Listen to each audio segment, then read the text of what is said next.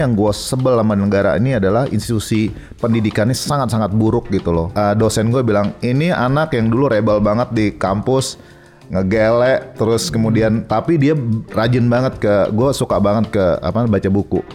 Mereka mau pengen look good, desainnya keren, rumahnya keren, tapi nggak mau pengen kayak norak gitu. Nah itu yang sekarang lagi ngetrennya. Jadi bahasa noraknya itu adalah sebenarnya orang-orang yang masih flexing gitu. 30 days of Hey guys, welcome back to 30 Days of Lunch. Semoga yang menikmati ini masih makan siang, makan pagi, makan malam, kenyang di perut dan kenyang di kepala juga.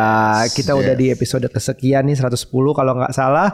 Kita mau ngobrol, kita udah banyak banget nih ya, Rup ngobrol. Tapi gue mau cerita mungkin sekarang diawali dengan cerita Monggo. bahwa gue lagi bangun rumah, udah jalan setahun. Di tengah jalan gue bikin uh, udah ada arsiteknya, tapi merasa masih bisa lebih maksimal lagi. Terus ketemu teman gue yang satu ini Hmm. Yang gue udah suka coffee shopnya gue datengin sering banget waktu itu terus ketemu ngobrol sama dia di coffee shopnya dan ternyata dia interior designer yang wah kece banget. Dan gue harus banget jadiin dia interior designer untuk rumah gue ini. Dan dia mau inilah Mas Eko Priharseno halo Mas Eko apa kabar Halo Aryo. Welcome.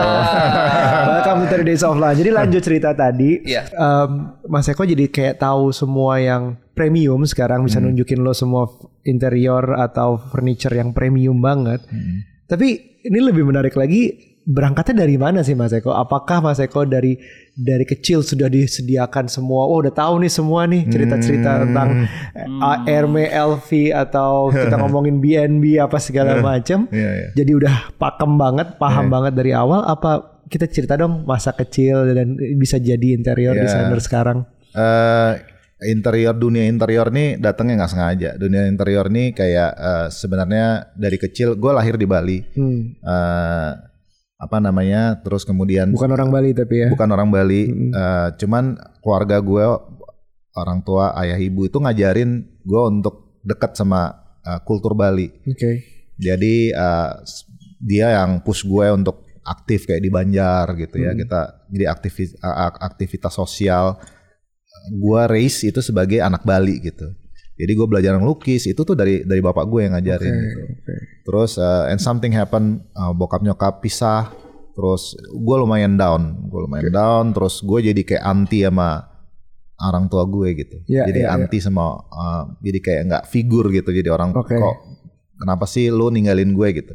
Karena kan masih kecil ya, jadi kita Ah. gue nggak bisa eh, nggak bisa eh, calculate nih. Gue nggak ngerti, gue nggak bisa Apa do the math, gitu ya. up what's going on gitu Iya, iya, iya. dan di situ menjadikan gue jadi anak yang nggak mau dengerin sebenarnya sama bokap gue dan pada saat bokap gue pindah ke Australia ke Sydney tinggal di situ jadi warga negara gue masih tinggal di Bali dan pada saat gue kuliah bokap gue bilang "Eh, datang sini dong gue nggak mau lain adik gue tiga bersaudara adik gue mau gitu nah jadi eh, instead gue malah ke Jakarta untuk gue pengen karir gue eh, gue pengen jadi desainer Oke. dan gue doyan banget loh ngedesain mobil. Dulu desain mobil gue tuh bagus-bagus banget. Jadi gue udah udah dari dari dari SMP malah gue udah tertarik pada hal-hal yang sifatnya engineering, Oh, teknologi oke, gitu. oke. Gue udah suka banget gitu. Nah pada saat gue ke Jakarta, gue tes, gue masuk Trisakti, nilai gue bagus gitu. Uh, terus kemudian nah, pada saat gue mulai kuliah, ya ya sebagai anak kuliahan gue bandel lah gitu. Hmm. Uh, yang segala macam bad things gue cobain tapi yang good things juga gue memang gue gua gas gitu. Gue doyan banget ke perpustakaan. Dan pada saat gue kuliah juga gue berharap banget sama institusi.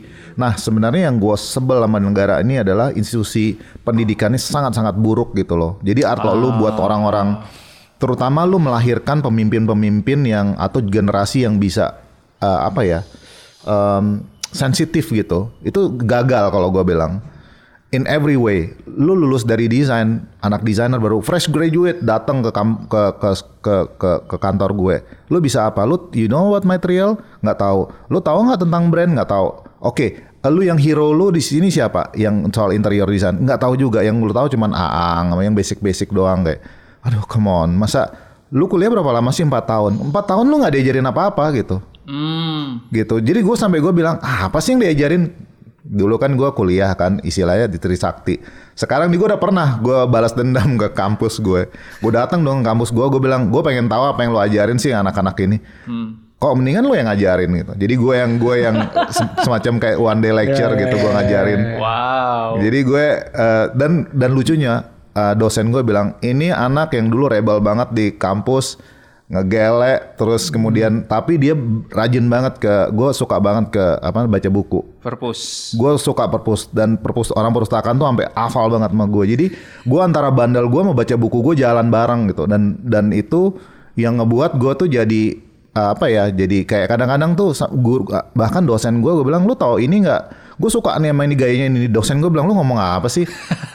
Gue sampai bilang gini lu ke perpustakaan nggak sih? Lu baca buku nggak sih? Ada nih gini gaya- gayanya gini gini gini. Terus dia bilang udah deh lu ngikutin deh c- cara gue Kurikulumnya. Nah di situ do gue clash. Dan gue clash gue jadi apa namanya jadi ya kayak mundur. Terus sama beberapa dosen gue yang bilang lu kayaknya nggak cocok di Indonesia. Dan pada saat gue di ditawarin untuk eh, beasiswa gue dapet gue dapet lulu gue lulus di untuk Pasadena which is the best in the world gue dapat situ cuman gue mesti bayar sekian ribu dolar untuk ini gue nggak punya duit juga Back then. Hai guys, buat kalian para entrepreneur dan para pemilik bisnis mungkin ada info berguna ini sebelum kita mulai podcast kita.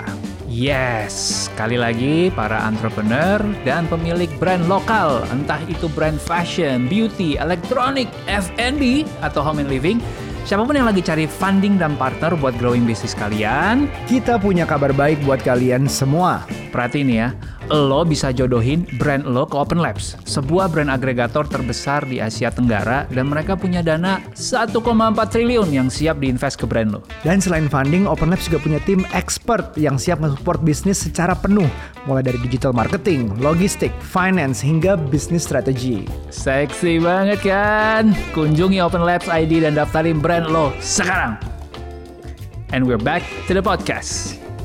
ada hal yang di mana gue tuh jadi ngeliat dunia pendidikan pada saat gue jalanin itu kok gue nggak bisa fulfill as a gue nggak ngerasa gue tuh pinter tapi ada hal yang lu kalau orangnya pinter lu nggak ngerasa diri malah lu ngerasa chaos kayak chaos di dalam gitu loh. Hmm, gue nggak bisa gue mau ke mana ya gitu. Dan itu eh, dunia pendidikan pada saat itu eh, dosen-dosen gue tuh nggak mampu untuk memberikan gue pencerahan gitu.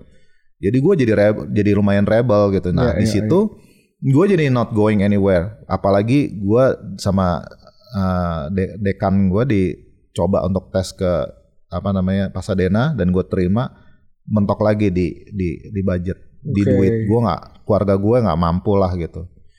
Kakek nenek gue yang support juga nggak mampu. Jadi jadi gue makin down gitu.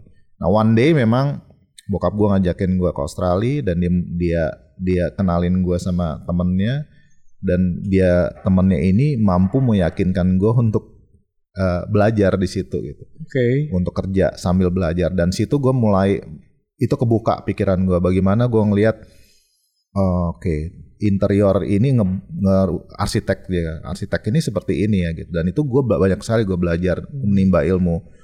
Start dari yang paling basic. Jadi cuman kayak OB lit- literally. Terus kemudian gue masuk ke studio kerja di lapangan seperti apa. Jadi at the end tuh dia bilang teman bokap gue bilang bahwa gue sebenarnya gue ngajarin lo untuk bisnis. Karena gue eh, gue mau ngelihat eh, kemampuan eh, intelektual lu tumbuh bersamaan dengan eh, semua challenge yang gue kasih ke lu gitu. Ada yang lu berhasil tapi ada yang lu nggak berhasil. Itu kan nunjukin bahwa lu sini lu. Nah, dari situ gue ngelihat wah interior nih lumayan ya gitu.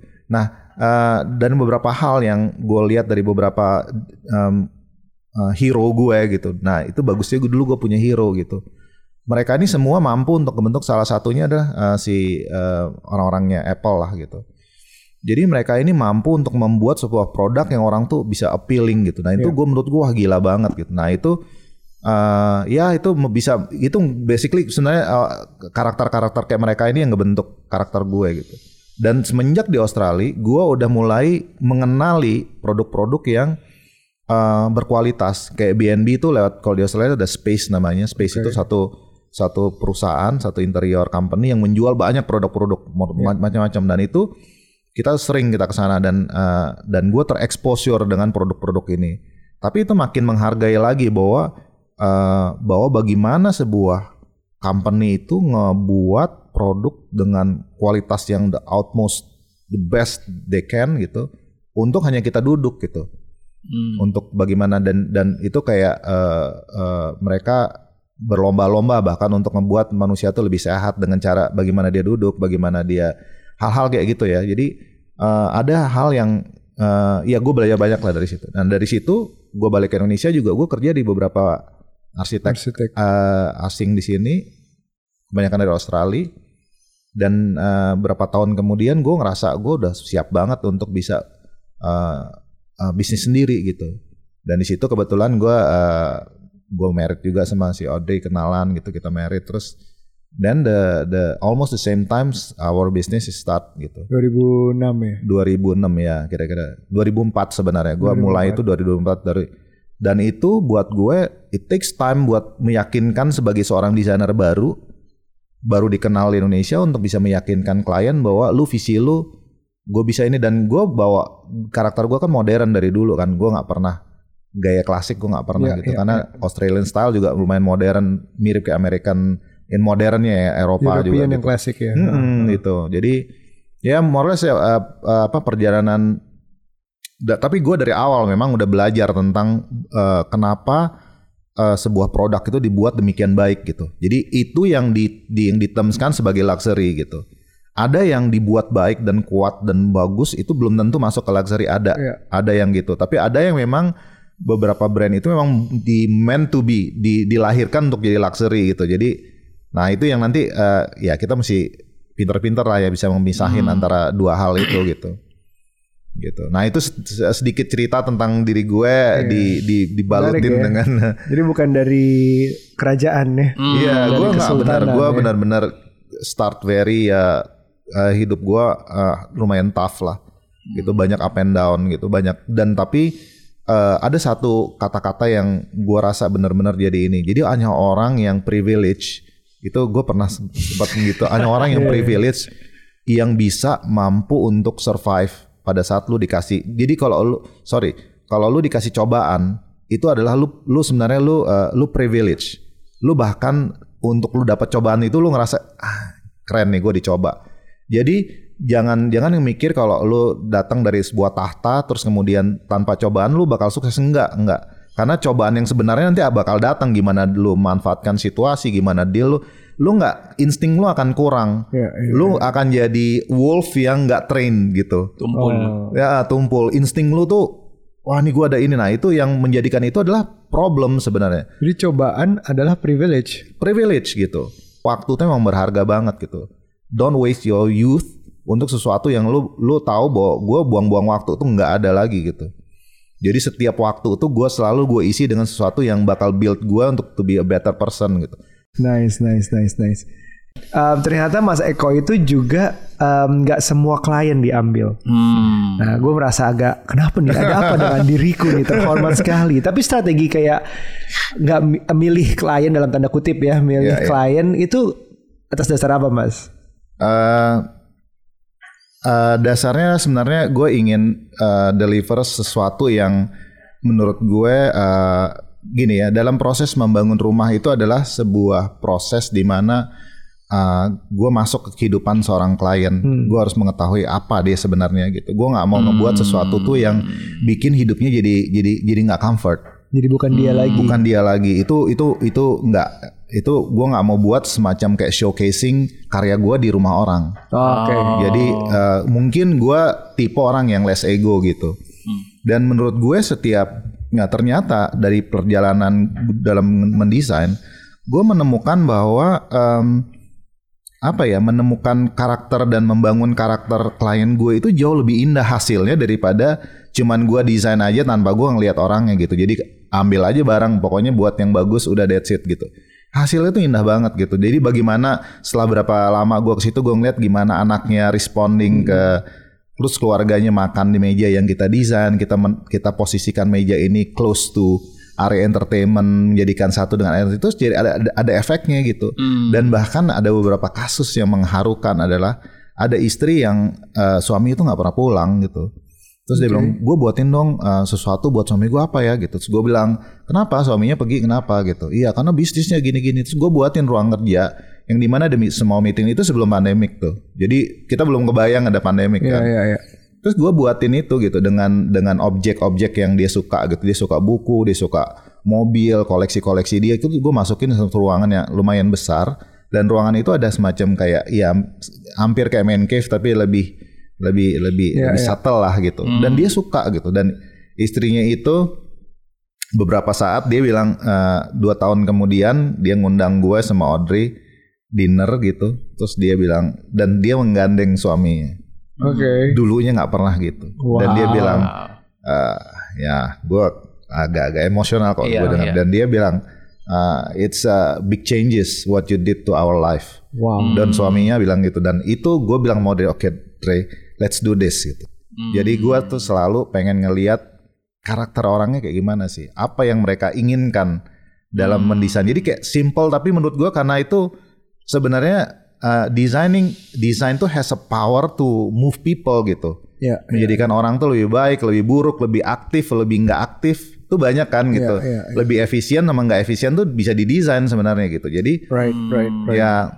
so that's why we choose client dan karena juga kita nggak kemaruk, kita nggak bisa ngerjain semua, kita Iya. hanya mau ngerjain yang menurut kita nyambung. Iya. Menurut kita juga uh, kita bisa achieve sesuatu yang dia emang dia perlu dan kita bisa gitu. Iya. Kita nggak mau ngerjain sesuatu yang kita nggak bisa dan dan dia juga nggak ngerti kalau deliver kalau delivernya kok kayak gini gitu itu Hmm. banyak hal gitu jadi yang that's why uh, kita buat lebih simple kita kita lihat klien lihat cocok oke kita engage gitu Padahal ya uh, designing rumah itu um, karena banyak banget yang kita lihat terus sampai Hmm. uh, kita pengennya seperti apa sampai nggak tahu maunya tuh benar seperti benar apa. itu Nucha- biasa tuh Nucha waktu ketemu Mas Eko udah punya bayangan mau putih Bayangan. semua ya biar Iya, biar iya. clean look, biar minimalis, biar apa. Begitu ketemu Mas Eko berubah sih. Iya, Jadi iya. kayak kalau gue sih lebih kayak udah terserah deh mau di kayak gimanain Iya, gue iya. ikut gitu. Tapi ternyata ketemu seorang interior designer tuh ngebantu buat nerjemahin Benar, maunya benar. tuh apa dalam paper gitu Yes. dalam Jadi ada yang ada yang bisa diungkapkan, ada yang nggak bisa diungkapkan. Jadi ada uh, yang dibutuhkan tuh bisa diungkapkan. Dia Iya. butuh gitu. Tapi yang dibutuhin tuh belum tentu dia perlu. Untuk mengetahui apa yang dia perlu apa nggak perlu itu kan lu nggak bisa bilang oh gue nggak perlu ini nggak bisa. Pasti yang lu bilang gua oh gue gue mau gini gitu. Nah sebenarnya maunya itu ada satu hal yang kenapa dia buat gitu. Jadi kita mesti ngelihat secara psikologik gitu loh. Dia kenapa dia gini gitu. Mungkin karena begini karena ada sesuatu hal. Nah itu yang untuk melihat bagaimana dia perlu tuh harus dari kacamata kita. Rupanya kita ngelihat kalian tuh, oh kalau dia nih dia perlu ruang olahraga nih, dia perlu begini nih. Itu har- harus ada sesuatu yang kita mesti kita selipin di situ gitu. Ada space, ada ada jarak antara kursi pun pada saat gua ngedesain rumahnya dia, gue perhatiin banget sampai kita ribut soal eh, apa namanya kitchen yang kegedean karena gue tahu anak-anak dia pasti lari-lari tuh Iya iya iya. gitu. Jadi hal-hal kecil gitu yang kita kita harus tahu gimana kita menciptakan layout, memilih kursi, jenis furniture, warna apa segala macam itu kan kompleks banget tuh. Hmm. Itu algoritma sendiri tuh. Iya iya. Benar, iya, benar, iya, benar, iya. benar. gitu. I I have a few experience um, designing our own home Iya, karena waktu itu masih sekarang ini udah tinggal tempat kedua. Iya, Tempat iya, kedua. iya, Yang iya. pertama kacau balau. Pengalaman pertama selalu kayak "Hmm, jadinya begini ya tidak sesuai ekspektasi. ekspektasi ya kayak di, di Pinterest sama hasilnya beda gitu. Iya iya. Tapi karena ngerjain semua sendiri. Iya, iya, Dulu iya. ada excitementnya untuk ah bisalah gua gitu. Terus Iya, kayak iya. orangnya emang suka turun tangan gitu. Emang ya. And then the second one mulai cari bantuan dan benar waktu bagian ngedesain itu ternyata hal-hal yang tadinya kita ngerasa nggak perlu didebatin sekarang jadi ngaruh gitu. Hmm. Contohnya misalnya gini, mungkin orang nggak terlalu memperhatikan tadi bicara dapur ya, ngomong lagi dapur, tinggi dapur. Iya ya. Iya iya. Who's going to cook more? Hmm. You or your wife Hmm. or someone who is visiting? Your, Yeah. your dad, your mom gitu. Ternyata karena tingginya beda dan kalau orang yang sering masak itu tingginya nggak pas itu bisa lebih pegel, Benar. bisa lebih nggak tahan, masak pun Iya. jadi nggak nyaman, dia jadi males masaknya. Dan Iya, itu iya. kejadian gitu. Iya, Dan iya, iya. Akhirnya kita ngerombak tuh. Iya iya. Gitu. Bahkan cara masak juga ada yang pakai wok, ada yang lu masaknya lebih bagaimana gitu. Lu pakai wok, tinggi wok tuh lebih rendah Iya. Yes. itunya gitu. Karena Oh, wow. permukaan working area-nya itu kan orang mau ngeliat di atas wok kan gitu. Benar. Nah Dan itu biasa lebih ladle-nya rendah tuh panjang sedikit, banget. eh, itunya lebih 5 cm atau 6 cm lebih rendah. Jadi banyak hal emang emang sih benar Jadi gitu. kayak naro kulkas, um, sink sama kompor itu sebaiknya kayak segitiga kan ya. Hmm, Jadi kayak flow-nya tuh biar muter gitu itu semua baru tahu di saat ketemu Iya, Mas Eko dan baru iya. bikin rumah. Iya, Jadi iya, iya. things that you learn gitu kayak oh kayak gitu ya. Emang harus kayak gitu ya. Iya, kenapa kita harus pakai um, kenapa bahkan kenapa nyuci piring itu nggak bisa sebersih itu di Indonesia karena airnya pada dasarnya tuh kotor. Iya, iya. Bukan cuman bukan cuman nggak boleh diminum tapi juga buat bersihin kadang nggak worth it gitu. Iya. Buat bersihin kayak itu aja suka masih ada bercak Iya, gitu. iya, Iya, iya. iya, harus So those things lah yang kita kita pelajari. Benar, benar. Tapi kayaknya hari ini uh, obrolan yang mungkin banyak orang bakal bisa lebih relate adalah uh, maybe we'll have another episode specific on interior karena we can talk Iya, long boleh, about it kayak gue juga Iya, senang gitu ya. Iya, iya, iya. Um, adalah how you eventually bisa tadi uh, finding the right market untuk apa yang Mas Eko kerjakan gitu karena kan nggak gampang ya uh, meyakinkan orang untuk Hah? untuk interiornya doang aja gue mesti orang lain lagi gitu. Iya. Iya, iya, iya. Kenapa nggak sekalian arsitek aja gitu? Iya Oh, benar iya, iya. sepaket. Emang emang eh, in- eh, dunia jasa interior ini menjadi lebih spesifik karena eh, ada hal-hal yang arsitek ataupun owner itu nggak bisa touch. Jadi eh, tapi gini ya, sebelumnya gue perbandingkan sedikit antara Indonesia sama luar negeri. Kalau di Iya. luar negeri jasa interior itu jadi decorator. Karena apa? Hmm. Karena mostly orang di sana tuh edukasi lebih baik, pemahaman soal interior lebih baik, dan mereka jarang banget menggunakan jasa interior designer untuk Oh. mengerjakan sama di Indonesia juga. Gue jarang banget dapat klien-klien bule karena klien-klien bule itu rata-rata orang-orang asing tuh udah tahu. Gue udah tahu gue pakai ini ini ini. Dan mereka spesifik banget kalau ke interior tuh bawa udah bawa meteran, udah bawa ukuran. Saya mau beli lukisan ukurannya segini segini. Very eh, apa namanya spesifik Precise. banget mereka. Nah kalau di Indonesia kan karena mungkin kita baru, kita sini sebuah dunia yang baru buat kita semua gitu. Jadi jasa interior design ini sangat berperan untuk menyatukan gitu. Oke. Makanya sekarang tuh eh, interior design boleh dibilang salah satu jasa yang sangat laris manis. Compare tuh udah hampir mirip ke eh, apa namanya untuk mm, apa namanya eh, skin gitu. Oh iya. Ya, hampir kayak gitu. Jadi Oh ya? orang tuh butuh Wow. gitu. Nah, eh, nah, oke interior tuh bagaimana sih sebenarnya? Nah, interior itu adalah sebenarnya bagaimana kita me- me- me- memformulasikan budgetnya kalian, terus kemudian apa aja ruangan yang mau di eh, di, di, di apa diperbaiki lah, dikerjakan. Hmm. Ah, terus sama eh, waktu gitu. Itu yang kita coba untuk me- me- bagaimana triangulate, bagaimana me- me- merumuskan itu menjadi sebuah karya gitu. Oke. Jadi karena tiga hal itu sangat satu sama lain sangat bertautan dan berkaitan banget gitu. Hmm. Gitu. Jadi di makanya sebenarnya kalau di interior itu bahkan perannya tuh jauh lebih jauh lagi. Kalau kita kita udah sampai sampai finishing kita milihin karpet, kita milihin eh, tempat sampah, kita milihin handuk sampai gitu gitu kita bantuin. Karena owner itu eh, klien-klien kita banyak yang aduh gua nggak ada idea nih untuk beli ininya gitu. Sampai lukisan pun kita kita cariin yang sesuai yang Iya, sesuai iya, ya. iya, iya, iya. dan itu udah kejadian sekarang. Jadi di Indonesia ini uniknya interior desain itu sangat berperan penting dalam ngebentuk untuk mendesain rumah tuh sangat penting dan bahkan nih tadi udah sifatnya udah kayak kita udah kayak holistik gitu semuanya gitu. Jadi udah boleh dibilang kita ngedesain hidup lo sebenarnya gitu Sampai sampai, gitu. memperbaiki hubungan tadi. Iya, sampai iya benar gitu kayak memperbaiki hubungan gitu. Jadi kayak satu hal yang eh, ya lumayan ber, ber- lumayan penting lah posisinya gitu. Hmm. Tapi karena feelnya juga kayak gitu sih di saat uh, pertama Hmm. kali ngobrol nggak eh, ditanya ini adalah um, punya berapa baju, berapa tas, Iya, iya. uh, biasanya gimana rutinitas sehari-harinya, kerjanya tuh di mana di lantai satu mana, atau iya. di kantor atau di Iya, mana gitu itu ditanya mau ada ruang kerja di kamar, pokoknya itu kayak gua di interview gitu. Iya ya. Selain itu kan gue ada ada ada ada tiga tiga tim lah yang bekerja. Salah satu eh, younger designernya kita itu gue bilang lu pantau Aryo punya Instagram, Nuca punya Instagram, lihat mereka tuh apa. Ambil poin-poin penting dalam itu. Jadi kita tuh memantau gitu. Kita tuh ngelihat apa sih yang di iniin. Terus harus kita harus rumu- rumusin apa yang dia perluin gitu. Hmm. Jadi hal-hal itu yang jadi jadi apa yang dia suka. Makanya hal-hal lain ya thanks to social media jadi kita tahu. lebih mudah untuk mengetahui kesukaan seseorang ya. Jadi kayak travel dia tuh jadi jadi satu, satu gue bilang oke kalau dia travel berarti ada memori eh, ada memori kan. Hmm. siapin tuh foto-foto banyak untuk ditaruh gitu. Jadi contohnya itu makanya di bed lo tuh gue buatin ledge panjang itu sebenarnya gue udah tahu nanti dia jalan ke sini, jalan situ lo kan ada tuh gitu. Nah itu jadi close to your bed gitu semacam gitu karena you want to close to your family gitu. Nah itu hal-hal gitu yang kita mikirin gitu. Jadi kadang-kadang orang kalau ngedesain ya ngedesain aja gitu. Gue perlu apa ya di kamar tidur gue bingung. Kalau lo belum pengalaman ya atau pendekatan lo beda kan gitu. Kalau kita kan pendekatannya ke manusianya gitu. Hmm. Jadi kita mau pengen tahu kalau lu hidup tuh kayak gimana sih apa sih yang ininya gitu. Hmm. Semacam kayak gitu deh gitu. Ya, ya, ya, ya. Jadi peran interior tuh menjawab lagi gitu kayak ya penting banget jadinya gitu. Kita eh, kita akhirnya belajar tentang banyak hal gitu. Eh, termasuk ya kayak jujur aja gue ngikutin podcast lu juga gitu karena gue jadi belajar kan apa sih value yang sekarang orang sukain. Jadi gue bisa updating dengan kondisi sosial sekarang gitu.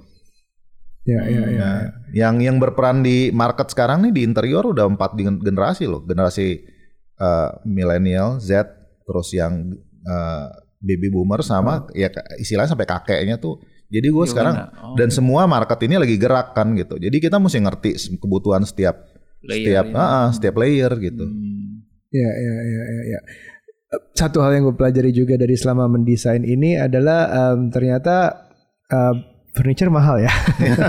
ternyata Oh, interior tuh lumayan banyak em, ada biayanya lah Ada istilahnya iya, lah iya, dan iya. dan waktu itu em, sempat jujur aja ngobrol sama Mas Eko, Mas Eko eh, budgetku sekian Hmm. dan em, aku juga suka pengen ada cerita dukung produk lokal gitu Iya, tapi iya. bukan karena dia lokal karena dia bagus dan kebetulan lokal gitu Hmm. misalnya jadi Iya. uh, quality first gitu Ya ya. tapi ternyata Mas Eko juga jelasin yang lokal gitu pun juga harganya juga Mahal. lumayan Iya, gitu. Tapi gimana sih cara kita mendefinisi biar tahu gitu bahwa ini uh, mahal bener bener kualitas atau mahal karena apa sih sebenarnya Hmm. Iya, banyak iya, sekali iya, barang. What does a premium product says gitu? Iya iya. Nah eh, memang di di interior gue mau pengen juga memberikan semacam kayak plus point ya kalau lo pakai interior tuh apa sih bedanya sama gue yang beli langsung kan IKEA jelas Iya, tuh iya. tinggal tinggal beli taruh aja juga beres tuh kan gitu. Iya. Nah di interior jasa interior itu adalah lebih revamping gitu. Jadi nggak sekedar cuman eh, seperti tadi ya pengetahuan saya sebagai interior design misalkan saya gunakan gitu. Tapi kan juga bukan itu aja gitu. Orang juga pengen look good gitu. Hmm. Nah look good ini eh, akan paralel sama apa yang lo pakai gitu. Oke. Jadi misalkan sekarang, wah gila ruangan lo keren. Oh ini ini loh mereknya Hmm. gitu kan. Jadi ada kayak semacam kayak memang kata-kata brand ini akan masuk ke in every way gitu ya. Jadi kayak kehidupan lo dalam ber eh, apa namanya me- me- mendekor itu juga perlu semacam kayak brand gitu.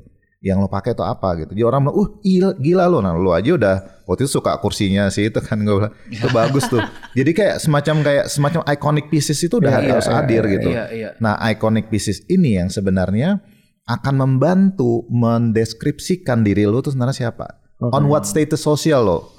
Jadi- kalau jangan sampai nanti kalau furniture murah itu jadi jadi jadi Status jadi sosial. status sosial lah. Nah, Oh. itu akhirnya kan wah, ini mesti kita atur nih. Nah, tapi ingat lagi, lu punya budget dan Iya. gue itu selalu ID itu selalu ber- ber- berpatokan. Kita menghormati. Hmm. Sekarang bagaimana kita manuver di situ? Kalau secara budget, gue nggak mau gini. Kalau buat rumah, gue mau murah, semua murah, murah, murah, murah gitu.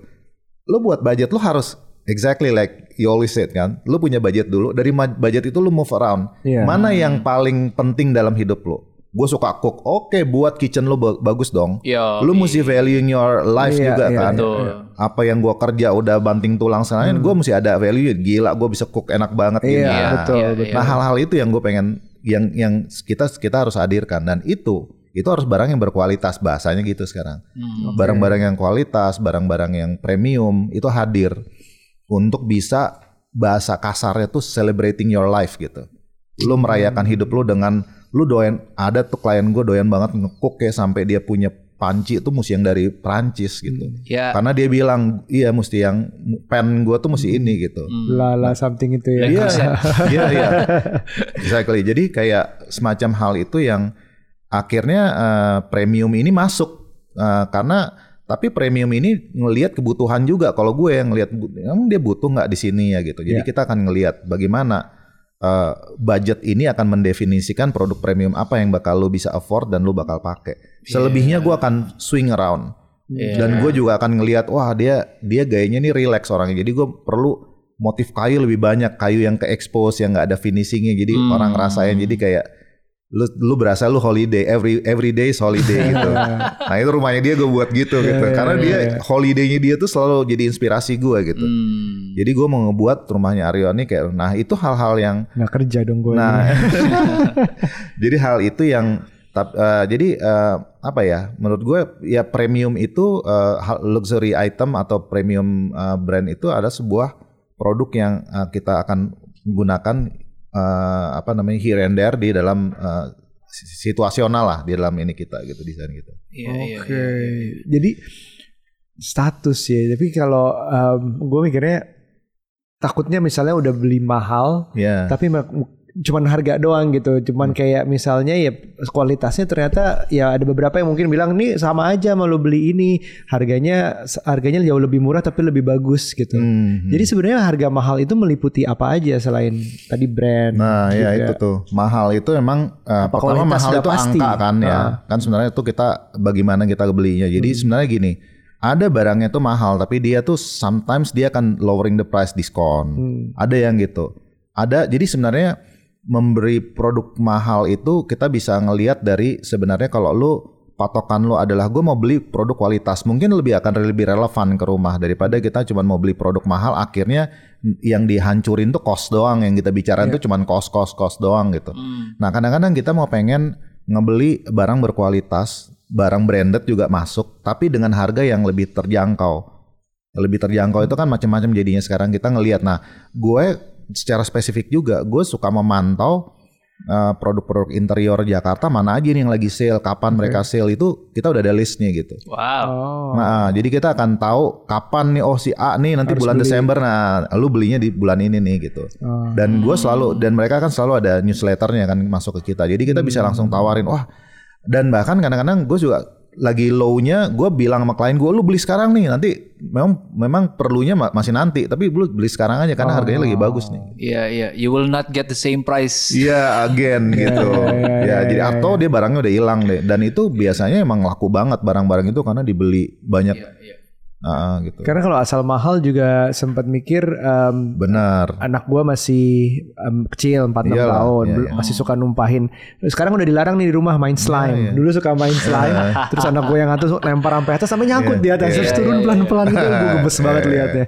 Dan dan kalau kita beli sesuatu yang mahal kan kayak aduh sayang banget. Ini Iya, anak iya. gua akan akan lebih cari sesuatu yang kualitas yang Iya, iya, memang dibersihinnya gampang misalnya Iya, iya, iya. atau nggak gampang rusak atau biasanya kalau kita juga punya pet kan juga jadi pikiran Iya, kan iya, iya, rambutnya iya. Iya, ya, iya, kotorannya iya, apa iya. segala macam jadi em, mungkin kualitas ya yang lebih lebih cocok Sebenarnya katanya. eh, eh, bisa di bi- bisa di bisa disiasatin sih. Itu sebenarnya kalau boleh jujur eh, mahal itu doesn't go with the quality sebenarnya kalau in in in in, in some ways ya, some ways. Jadi tapi nggak tapi yang gue bisa ngomongin gini contohnya deh kalau gue gue ngebuatin sofa eh gue ngeliat dari sebuah sofa yang mewah banget gitu ya pertama dia punya strukturnya dia itu kuat banget.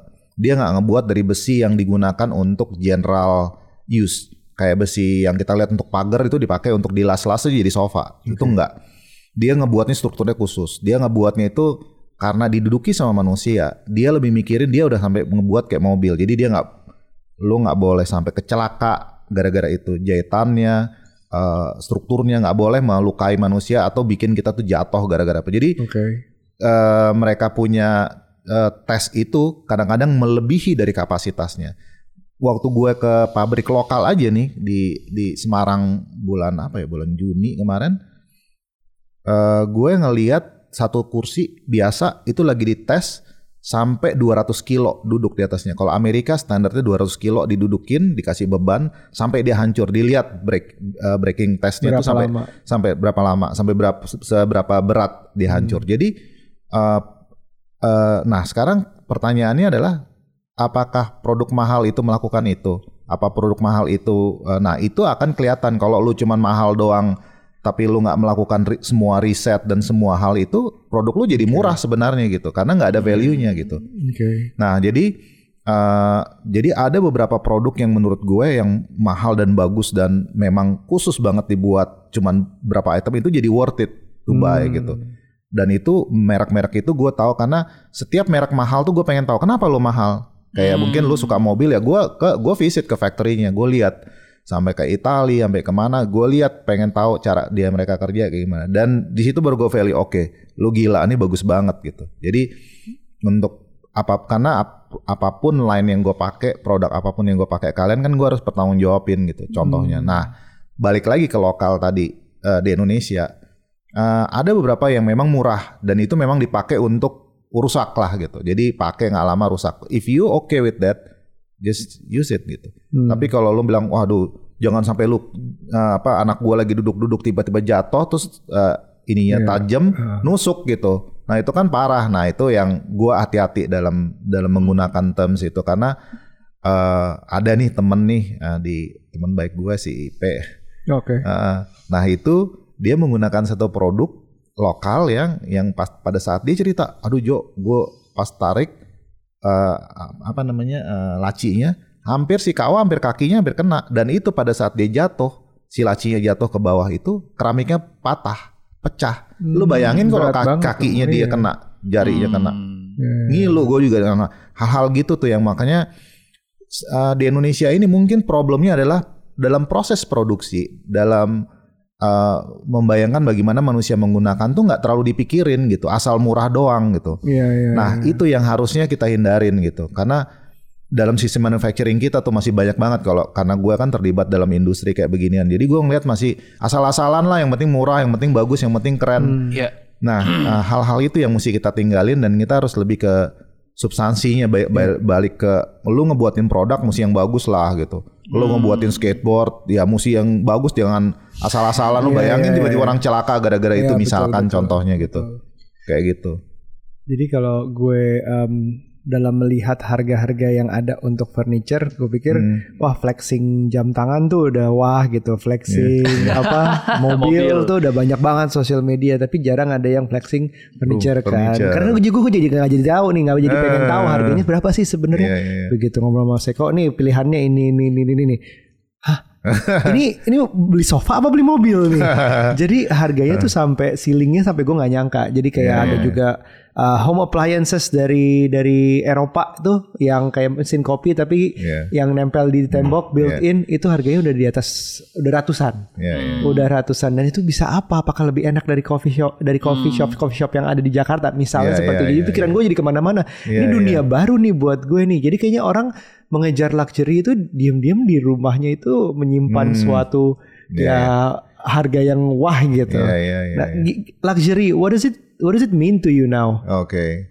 Nah, luxury ini sebenarnya kita tuh udah lagi di persimpangan sekarang nih. Mm-mm. Yo, jadi kayak luxury itu udah eh eh, kebetulan kita di masa yang di mana eh, tendensi luxury itu udah mulai nggak fading tapi mulai me- menemukan jalur sendiri. Ada yang lain. Nah, jadi kalau kita tahu generasi bapak kita luxury Iya. itu eh, merek sini ada Cartier, ada C-nya, Iya, ada iya, iya, iya. ada gitunya. Jadi Ah, brandnya gede banget ya. brandnya gede banget dan dan kalau di interior itu luxury itu apa yang paling mahal tuh apa sih emas Iya. terus kayak itu Yang tuh tunjukin shiny, yang shiny, shiny shiny ha. leathernya yang ini gitu semua material itu terus kemudian ada ada gold eh, apa namanya fabriknya yang di dijahit dengan Iya, benang emas gitu-gitu jadi menunjukkan bahwa material itu eh, adalah yang termahal Mahal. yang lu pakai nah sekarang itu eh, kita Marmer sudah berubah. pasti lantai ya, marmer. marmer. marmernya juga dipilih yang marmer tuh ada kelas-kelasnya kan? Iya, iya, iya. marmernya yang yang paling mahal tuh apa sih gitu? Marmer itu yang dipakai. Onyx. Onyx itu kan mahal banget. Iya, iya. dipakai di dinding bermeter-meter Oh, terus sampai di dinding, wallpaper tuh wallpaper ada yang kayak eh, harganya. Jadi ada beberapa wallpaper itu memang dibuat oleh eh, manufacturer yang sudah lama dari zaman kerajaan dulu lah Iya. gitu dan mereka masih ngebuatnya dengan silk dengan apa wallpaper tuh pakai bahan loh pakai Wallpaper silk pakai silk ya. pakai silk gitu. itu ya, Jadi mereka tuh pakai atau- material gitu. Ah. Contohnya ada beberapa wallpaper sampai harganya 15 juta per meter. Wow. Jadi lu ngebayangin gitu terus eh, curtain jadi nah Tapi itu itu dulu. dulu gitu. Ya, Nah sekarang eh, tendensi itu sudah mulai berubah gitu. Jadi orang eh, nilai value dari eh, apa nilai arah desain tren desain itu udah berubah karena geopolitik kan, geopolitik terus Then comes to the new generations yang generasi lo yang uh, kalian tuh lebih menghargai uh, beda dengan orang tua gitu yang lebih uh, karena generasi pertama yang men, apa menemukan gitu. Karena kalian yang lanjutin tuh beda gitu. Hmm. Value-nya kalian tuh beda gitu. Nah, itu value yang itu juga ikut ngerubah secara luas gitu. Situasi luar di di, di luar negeri juga hmm. me, me, membuat kita itu jadi jadi arah uh, apa luxury itu jadi tendensinya berubah jadi gitu. apa tuh sekarang? Jadi misalkan orang nggak pengen kelihatan kaya, orang nggak pengen kelihatan lux. Bahkan brand-brand luxury kayak sekarang mungkin sofa ada beberapa gitu yang udah kelihatannya tuh biasa banget gitu. Tapi memang quality dari fabriknya ininya luar biasa ya bahkan saking luar biasanya kalau anak lo numpain coklat doang ini ini bahkan ditaruh di luar men ditaruh di luar di displaynya di Eropa tuh ditaruh di luar Gue bilang ini udah berapa season? Ini udah dua season. Ditaruh di luar Ditaruh di luar udah berarti udah dua hampir dua tahun. Hmm. Dan itu masih as good as new. Hmm. Jadi lu ngebayangin udah sekuat itu. Okay. Hmm. Dan nah, nah jadi dalam dan tapi looknya juga sekarang jadi tapi in terms of look lebih lebih subtle, lebih lebih detail, lebih jahitannya, terus kemudian lebih bicara desainer desainernya siapa nih, dia terinspirasi dari apa nih, dari perjalanan apa gitu-gitu. Ya. Story storyline tuh hebat banget sekarang dan hmm. itu yang orang cari gitu. Contoh deh, gue ngelihat kalau pada uh, ini cek deh rumahnya Kim Kardashian sama Kanye West yang hmm. sebelumnya hmm. yang didesain sama Fairford itu lihat putih semua gitu gitu. Terus uh, apa namanya wastafelnya nggak kelihatan ada wastafel, so plain gitu. Jadi kayak just a slit Hmm. Jadi pada saat airnya keluar pun airnya itu ada hmm. teknologinya di mana dia nggak akan ada splashnya. Hmm. Nah, nanti lo mesti lihat deh itu di di, okay. di di YouTube ada tuh. Dan nah itu sekarang itu kayak gitu gitu. Bayangin aja Hollywood yang jadi trendsetter tuh udah udah yeah. shifting sekarang gaya-gayanya udah putih semua almost like a temple. Mereka bilangnya Belgium monastery style. Wow, okay. Modern monastery gitu gayanya. Hmm. Jadi arch tetap tapi very plain gitu. Hmm. Warna-warnanya warna-warna gini apa Nah, uh, itu kita ngelihat bahwa semua tuh berubah dan alasannya nah alasannya Kim Kardashian untuk buat itu karena dia bilang the world is getting messy and messy. Jadi sekali lagi geopolitik jadi jadi alasan nih orang untuk avoiding the the hura-hura gitu showing off gitu kayak nunjukin gua kaya tuh udah nggak lagi gitu. Jadi udah udah orang yang super rich itu power power people itu lebih kepada ya lu lihat ya orang-orang fintech di luar sekarang. Yeah. rumah dijualin tinggal di box tinggal di apa. Mereka value-nya udah beda-beda apalagi yang sampai se ekstrim itu gitu. Jadi udah beda lah. Generasi sekarang udah beda gitu. That's why uh, kita juga mesti keep up gitu. Gimana jadi kayak kita lihat si Jeff Bezos, Elon Musk semua oh. tuh lebih concern ke well-beingnya, ya, jadi daripada lebih sehat daripada, daripada punya materi mobil mewah, ya, mobil mewah ya, kayak atau gitu. jam mewah mungkin ya. ya. ya, ya. Oh gitu ya. Jadi luxury sekarang udah shifting ya. Iya, jadi balik ke kalau tadi itu emang yang kayak kayak memang mesin kopi yang itu tuh memang uh, jadi ada yang klaim ya uh, mesin kopi yang gue juga udah pernah nyobain yang yang yang built in di dinding itu. Hmm. dites dia sebaik sebaik apa sih hasil kopinya dengan yang yang beneran. Jadi dia suhu untuk membuat su, uh, susunya terus kemudian ekstraksi uh, kopinya, itu semuanya hampir hampir mirip lah. Jadi mereka klaim bahwa uh, ini akan lebih baik daripada yang uh, yang iya, merek-merek ya, lain lah gitu. Ya, ya, ya, ya, gitu. Jadi itu ada ada hal yang karena yang ngebeli ini orang mereka udah tahu lu yang doyan pasti doyan kopi orang-orangnya udah orang gila nih. Yeah, Jadi mereka iya, nggak yeah, main-main yeah. dengan hal-hal itu, itu gitu. Ini lo bayangin ya, maksudnya ke mesin kopinya tuh bukan yang kayak di coffee shop yang gede banget yeah, dan yeah, corongnya banyak, Tau, bukan. Yeah, yeah. Tapi yang kayak kayak oven atau microwave yeah, yeah, nempel yeah. aja udah itu itu mesin hmm, kopi ternyata yeah, yeah. very clean very yeah, wah itu. Iya, yeah, yeah. You buy the design ya. berarti Iya iya iya itu nah emang desain sih yang seperti gue bilang desain tuh so powerful untuk luring orang untuk jadi konsumtif yeah, sebenarnya yeah, ya. Iya yeah, yeah, Ya, um, hari ini menarik banget karena dari sesu perjalanan Mas Eko ya hmm, yang lebih yeah. menarik ya bahwa um, tahu hal-hal mahal, hal-hal kualitas, hal-hal premium itu dianggapnya bukan selalu karena ah orang tuanya udah beliin dari kecil atau dari yeah, dari yeah, kerajaan yeah. yang enak, tapi kualitasnya justru mungkin didapatnya di saat hidupnya um, challenge, yeah. hidupnya jadi sedikit rebel, yeah. di mana tapi masih punya kesukaan seperti membaca. Yeah. Itu juga jadi satu sumber ilmu yang lumayan, terus akhirnya menunjukin hmm. kualitasnya di yeah, yeah, yeah. di teman bapaknya ya waktu itu ya. Yeah, yeah. Nah, nah, abis itu kerja di sini arsitek dan akhirnya mulai bisnis interior design sendiri dan Yeah. bisa ada di sini. Yeah. Dan itu menurut gue sih suatu yang apa ya? Um, nggak nggak given, nggak given. You have to you have to earn it Yeah, gitu. yeah. You have to earn it uh, untuk tahu semuanya ini, untuk tahu mana yang bagus, mana yang itu. It's all in the in the process gitu. Iya ya. Mm. Gitu. Gimana menurut lo? Gue suka banget ngomongin luxury, Ya. tapi gue suka ngelihat dari angle yang mungkin orang jarang ngelihat. Hmm. Di keluarga, gue yakin teman-teman yang dengerin juga pasti ada lah ya kayak every family pasti ada satu orang yang wah ini si tajir, Iya iya iya. ya kan? Iya iya. And then the rest is average gitu. Iya iya. Tapi uh, menurut gue banyak yang bisa kita pelajari dari orang-orang seperti ini gitu. Iya.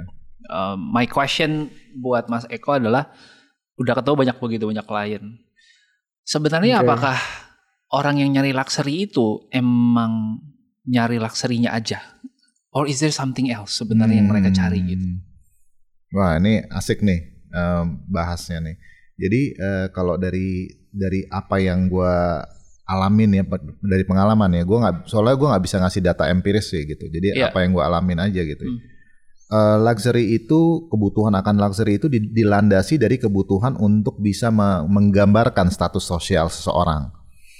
Mengetahui eh, produk apa yang lu pakai itu sebenarnya adalah juga sama seperti bagaimana membedakan Rolex sama AP. Oke. Hmm. Rolex itu untuk siapa sih? Orang dengan karakter apa sih yang pakai? AP ini untuk siapa gitu? Hmm. Lebih adventurer kah? Lebih misalkan ada tech Heuer yang Heuer yang baru itu kayak Iya. gimana sih sebenarnya karakternya gitu. Hmm. Nah, itu untuk mengetahui luxury itu kan mengetahui karakter akhirnya. Bagaimana barang itu dibuat untuk siapa sebenarnya Hmm. terus value value barang ini sebenarnya untuk mana sih? Ada yang Iya. bahkan ada yang jam yang untuk pada saat lu beli lu sebenarnya tuh lu udah menghargai lu jago untuk decision. Jadi dia dia selalu dia dia bilangnya gitu. Berarti pas gue beli wah ini gue am a Gua good decision maker. maker. ah, gue Oh, decision oke. maker. Ada kayak gitu. Jadi masing-masing masing-masing uh, uh, brand aja udah me- mencoba untuk me- me- me- membagi type of clientele.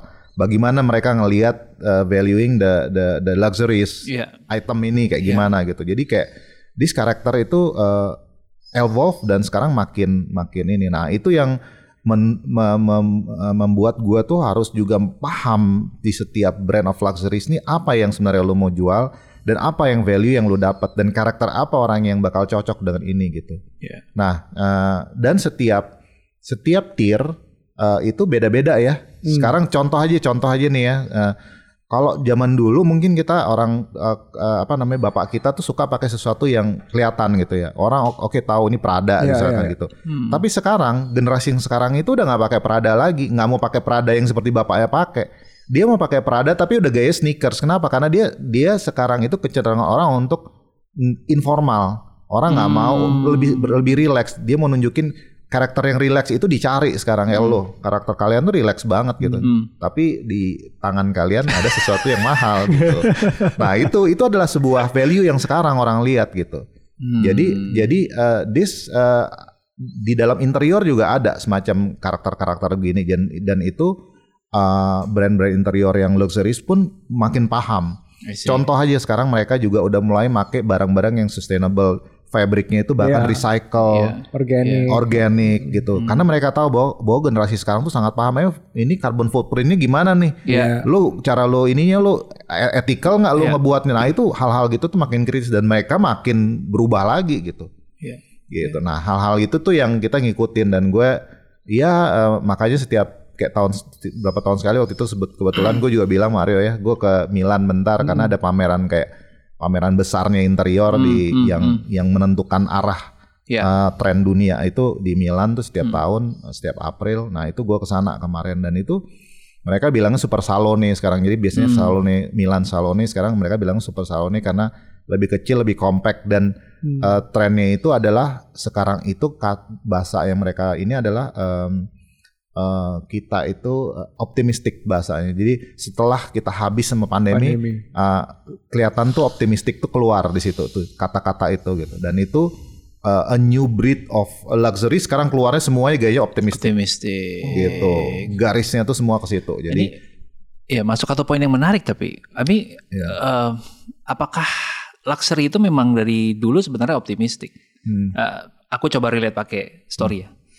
So kembali ke keluarga dengan si tajir ini gitu. Hmm. One of the things yang kita suka ngeliat kan, wah kalau ngeliat kemewahan tuh pamer, or atau sekarang Ya, flexing, iya, atau kayak flexing. lu ngapain sih spend segitu banyak buat Hmm.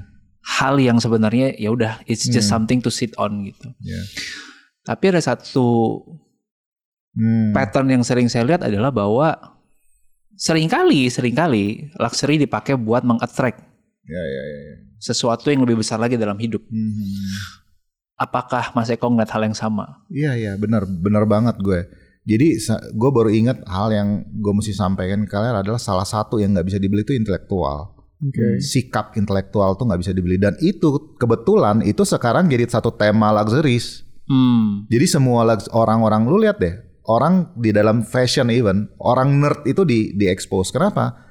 Mereka percaya bahwa orang nerd itu sebenarnya sebuah orang-orang intelektual gitu. Hmm. Kayak Bezos itu kan intelektual nah. Nah, itu yang jadi sekarang jadi semacam kayak kalau lu mau di- boleh dibilang tuh jadi acuan gitu. Hmm. Makanya Kim Kardashian sama Kanye juga kelihatannya seperti itu gitu. Hmm. Jadi mereka lebih kalau lu lu mesti ngelihat deh gimana cerita. Tapi itu contoh bagaimana. Nah, sekarang kalau kita ngelihat orang-orang yang flexing menurut lo apa mereka termasuk orang kaya apa enggak sekarang jadinya gitu. Nah, Hmm. jadi karena value-nya itu yang kadang-kadang di Indonesia ini belum disadarin tapi ya nanti akan tergerogoti lah.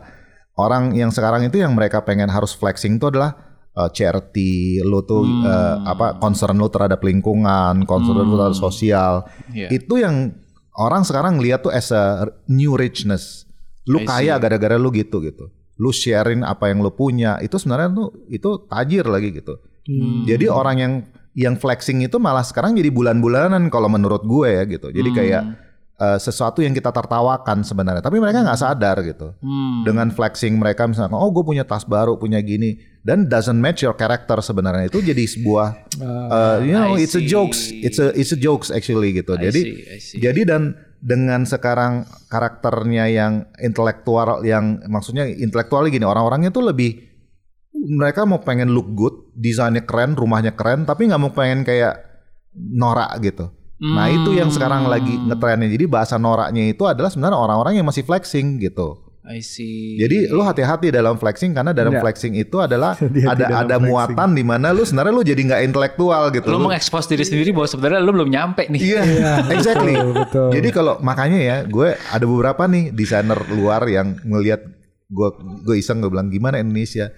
Ah, dengan bijaknya mereka bilang ya, mungkin Indonesia belum nyampe ya ke sana karena I see. jadi belum belum belum- orang itu belum tahu how to value it the design Yeah. more Hmm. gitu. Jadi mereka tuh menggunakan desain at- as a tools untuk terlalu banyak untuk exposing to branding uh, to branded yourself gitu. Selalu- Over branded malah gitu. Iya. Selalu ingat nasabah prioritas yang pakai keutang doang kali ya. Atau sendal jepit yang Iya, tapi gue prioritas.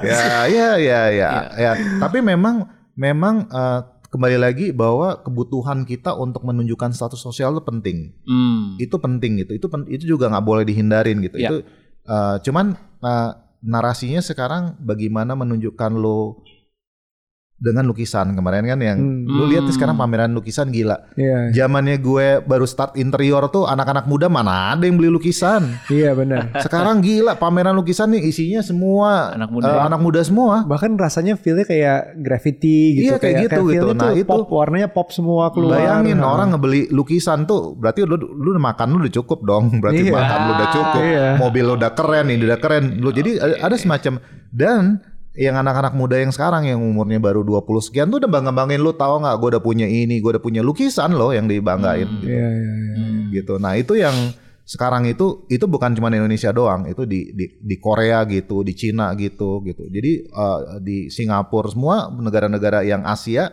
mulainya begitu. Sekarang jadi lu mamerin tuh sesuatu yang bahkan ada tuh yang mamerin eh, punya buku yang dari emas gitu, bukunya tuh cuman dicetak cuman berapa biji di dunia tentang art dan buku itu harganya kalau nggak salah 700 juta satu buku.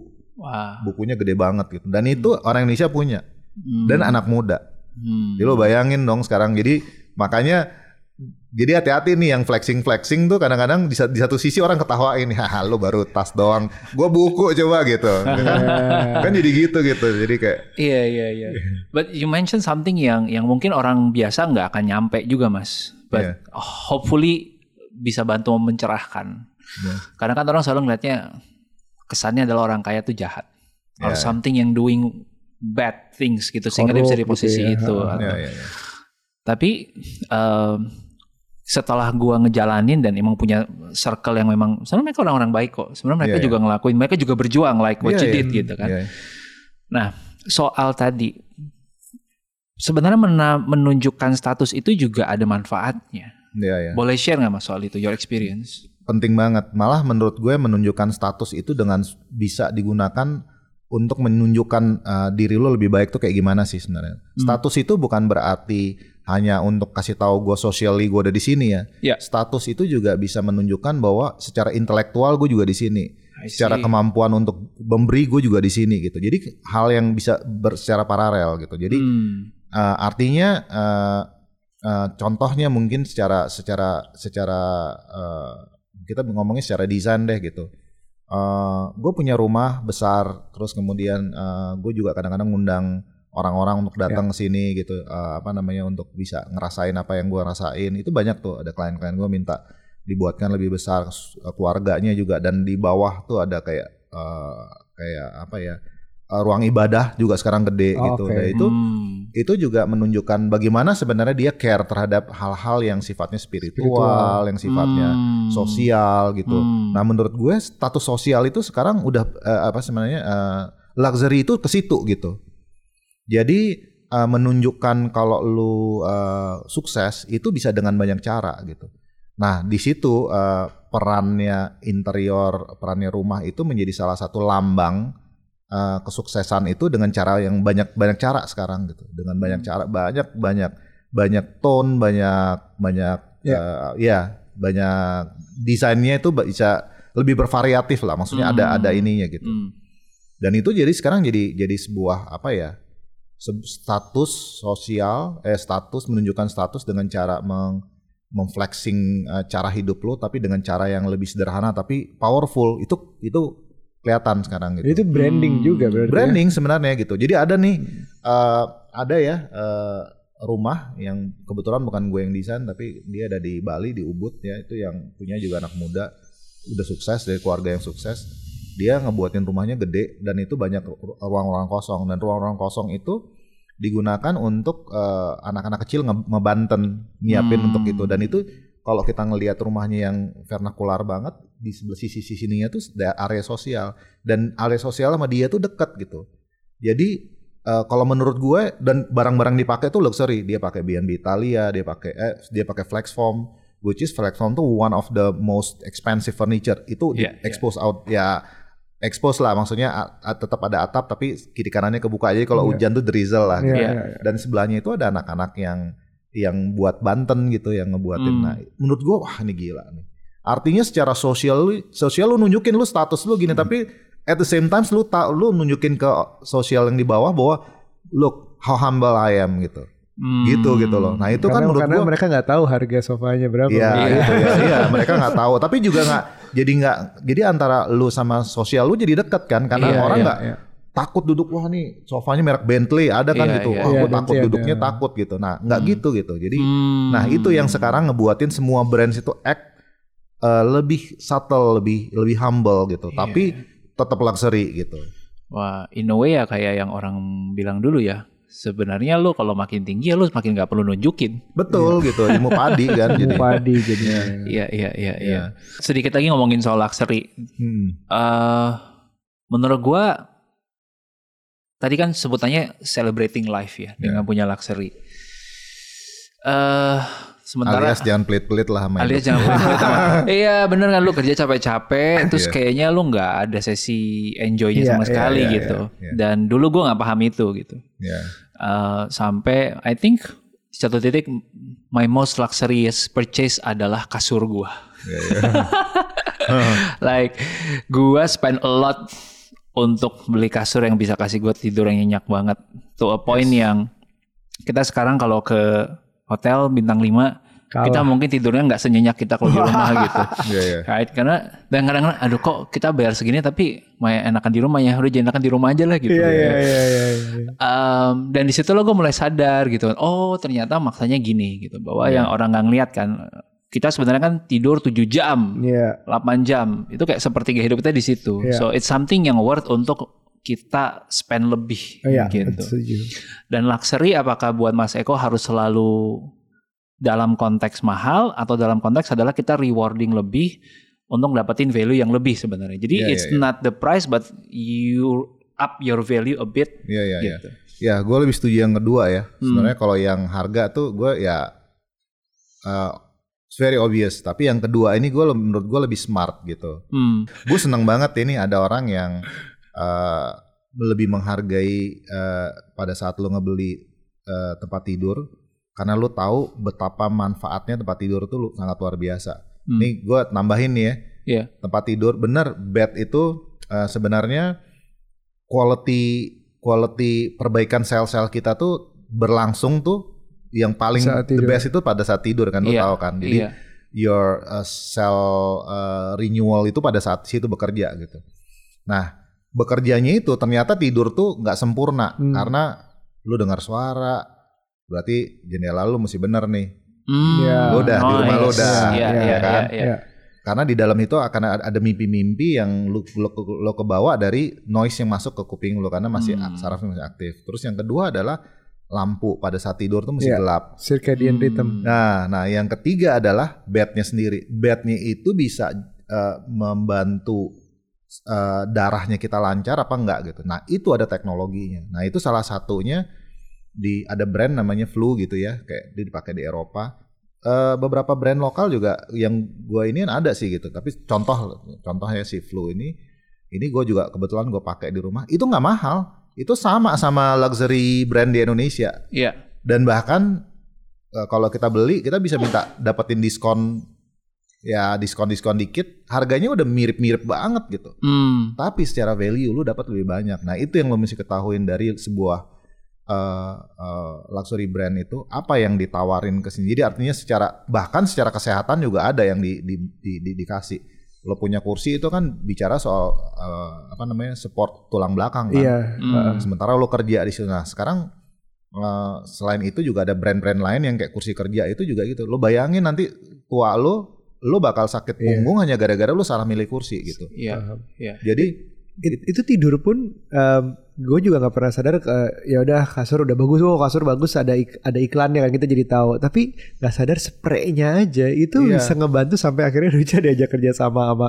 satu brand spray terus loh kok segini enaknya ya ternyata bisa bikin dingin apa jadi Iya, kayak iya. AC-nya tuh stay juga di Iya, dalam iya, itu iya. ah, di dalam Hmm. spraynya terus nyaman banget halus Iya, iya. banget Hmm. ya dan ternyata bisa la- mengasain luxury dengan cuma Iya. beli spraynya dulu gitu dan bisa nanti Hmm. hasilnya lo punya quality tidur tuh bagus banget dan oksigen dalam darah lo pada saat lo tidur tuh kan Iya. the best gitu ya. Jadi pada saat lo bangun tuh lo seger gitu. Iya, lo iya, bangun iya. aja blek gitu. Nah itu itu yang nah kita ngebayangin sekarang eh, jadi eh, dalam satu tahap di mana eh, this luxury brand itu bisa kontribusi nggak sama kehidupan lo gitu. Hmm. Selain selain dia punya nilai sosial, Ya. Eh, selain dia punya nilai apa ya eh, yang lo bisa bragging gitu, Iya, gitu iya, ya. iya, Maksudnya, Wah gue punya ini. gitu. Kebanggaan Iya, lah ya. Kebanggaan Hmm. gitu. Lo achievement Iya, iya. in, in, in certain point lo achieve lo dapat kan barang-barang Iya. gitu. Nah itu uh, dalam satu hal ya ki- kita uh, kalian lebih muda dari gue gitu. Satu hal pada saat kalian lebih grow older, kalian akan miss that gitu. Hmm. Contoh nih ya, ya sekarang semua orang bilang gue sofa jangan anak-anak gue tumpah dong. Uh, ini sekarang ya kalau banyak orang-orang yang lebih lebih tua tuh bahkan gue belajar ya dia cariin lo dulu anak gue mana ya bekas itu oh iya anaknya sekarang anak lo di mana anak gue udah jadi dokter di Seattle Oh. Oh. that memories man gitu lo kalau lo ngelihat tadi lagi Hmm. video tadi YouTube those memories created in your in your house Iya, itu that's organic gitu yang nggak Iya, akan iya. lo dapetin lagi lo nggak akan bisa Ah. recall that's luxury Oh, wow. nah luxury itu juga ngebuat barang-barang juga sekarang ya kalau gue balikin ke interior looks older jadi kayak Hmm. uh, uh, bahannya tuh udah kelihatan ya. tua Iya, iya, used iya. karena kecenderungan kalian-kalian ini untuk pakai barang-barang yang udah vintage gitu. Iya. That's also gitu. Iya, Jadi iya, sekarang tuh Ingat iklan satu jeans eh, yang ada robekan di sini, terus dia langsung flashback nih kejadiannya di apa. ya, Iya, Coretan di sini langsung flashback jadinya apa. Jadi ya it's all ya gitu. Jadi memories. sekarang gitu dan sekarang ini bahkan kalau asal tahu aja nih di Jepang nih ada tren untuk pakai barang bekas. Jadi barang-barang yang luxury kayak Thrifting, B&B, ya. iya B&B di furniture aja dicarinya yang tua nggak mau yang baru dan yang lebih tua akhirnya lebih mahal dari yang baru gitu.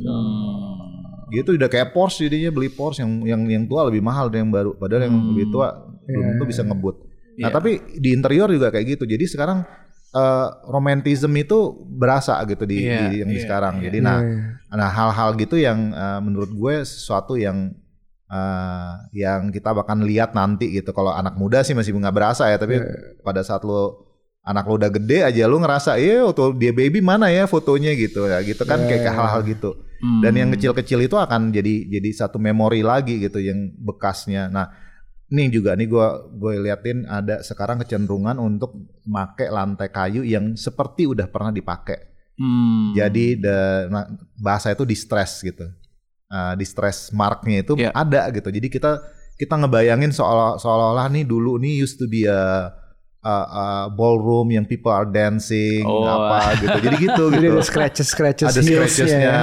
gitu. iya, Ini iya. dulu nyokap bokap gua waktu mereka muda mereka ritualnya Nice, selalu mereka dance Hmm. while we are sitting in dinner gitu. Jadi Hmm. that memories creating in the ini ini dan itu itu sesuatu yang akhirnya at the end makanya lu nggak akan bisa ngeliat sekarang tapi lu akan ngeliatnya nanti gitu. That's uh, itu yang nah, nah sekarang yang kalau lu ngelihat brand TK, lo pakai Iya, TK kan flooring lu. Iya. Nah, itu semuanya kalau lu lihat deh yang kayak scratches ada gitu. Ah. Ada yang ada yang kayak kayak apa distress bahasanya tuh. Jadi kayak Iya. yang udah kayak udah pernah kepake. Hmm. Mereka ini merek lokal juga by the way. Iya, Keren iya, Brand banget. lokal iya, dan iya, itu iya. premium menurut gue. Harganya murah tapi Tapi cara premium, buatnya premium, premium. menurut gue gitu. I see. Ya, ya, ya, ya, ya. Hmm, Oke, hmm, menarik, wow. menarik. gitu Kita, jadi kita, ya kita belajar banyak hari ini. Iya. ya. Belajar banyak gimana cara bahwa apa arti luxury Iya, yang iya. baru sesungguhnya dan yang baru. Hmm. Kita juga belajar gimana um, mendapatkan luxury itu bukan cuma given, Ya. itu earn. Yes. Um, termasuk dari dari perjalanannya Mas Eko di sini juga sendirinya Hmm. gitu. Itu yang gue dapat uh, dari gue thank you banget. Mungkin Ruby ada tambahan? Iya, eh, dari gua mungkin karena gua emang suka banget angle underdog ya. I think Hmm. Mas Eko ini representasinya underdog story menurut betul. gua. Kalau gua nggak inget gue dari mana, tapi kayaknya kita ketemu karena di refer sama temen, and then follow-followan di sosmed, and then for the longest time tuh gue cuma ngelihat hobinya Mas Eko aja nih. Iya. Wah dia travel, terus dia Kayak- punya apa? Your, your, uh, koleksi mobilnya mas yang dinamain nama bahasa Oh, Jepang iya, itu iya, Iya, iya. iya. Ichiro. Ichiro gitu kan. Terus wah ini gila taste ini orang luar biasa banget, jadi menikmati gitu kan. Nah, akhir hari ini bisa ketemu. Ya. Um, menurut gue itu sesuatu yang yang yang underdog story juga. And then um, ceritanya Mas tadi berangkat dari nggak lulus kuliah, Gak lulus kuliah. tapi edukasi itu ternyata berbeda sama Iya, kuliah. iya. Edukasi bisa didapatkan bahkan di luar kuliah dan itu Dari yang mengantar Mas ya. Eko bisa menjalani karir sekarang dengan dengan baik banget gitu di segmen yang spesifik gitu ya, premium. So Niche. niche dan itu menurut gua jalur yang very underdog and and Hmm. truly a story yang a lot of people need to hear. So thank you for that. Thank Yeah, you. yeah, yeah. Thank you guys. Kalian juga jadi inspirasi gue loh selama ini. Ah, gue seneng terima banget kasih. jadi kayak Thank you, thank you so much. Ya. Oke, buat teman-teman yang nonton um, Underdog Story ini sebaiknya nggak berhenti di kalian juga um, sebarkan ke mungkin ada yang sebelah kalian ternyata terinspirasi dari cerita ini Hmm. dari Mas Eko. Jangan lupa follow Mas Eko di Priharseno atau lihat karya-karyanya di ID Interior. Oke, sampai ketemu di lunch berikutnya ya. See you. Bye. Bye.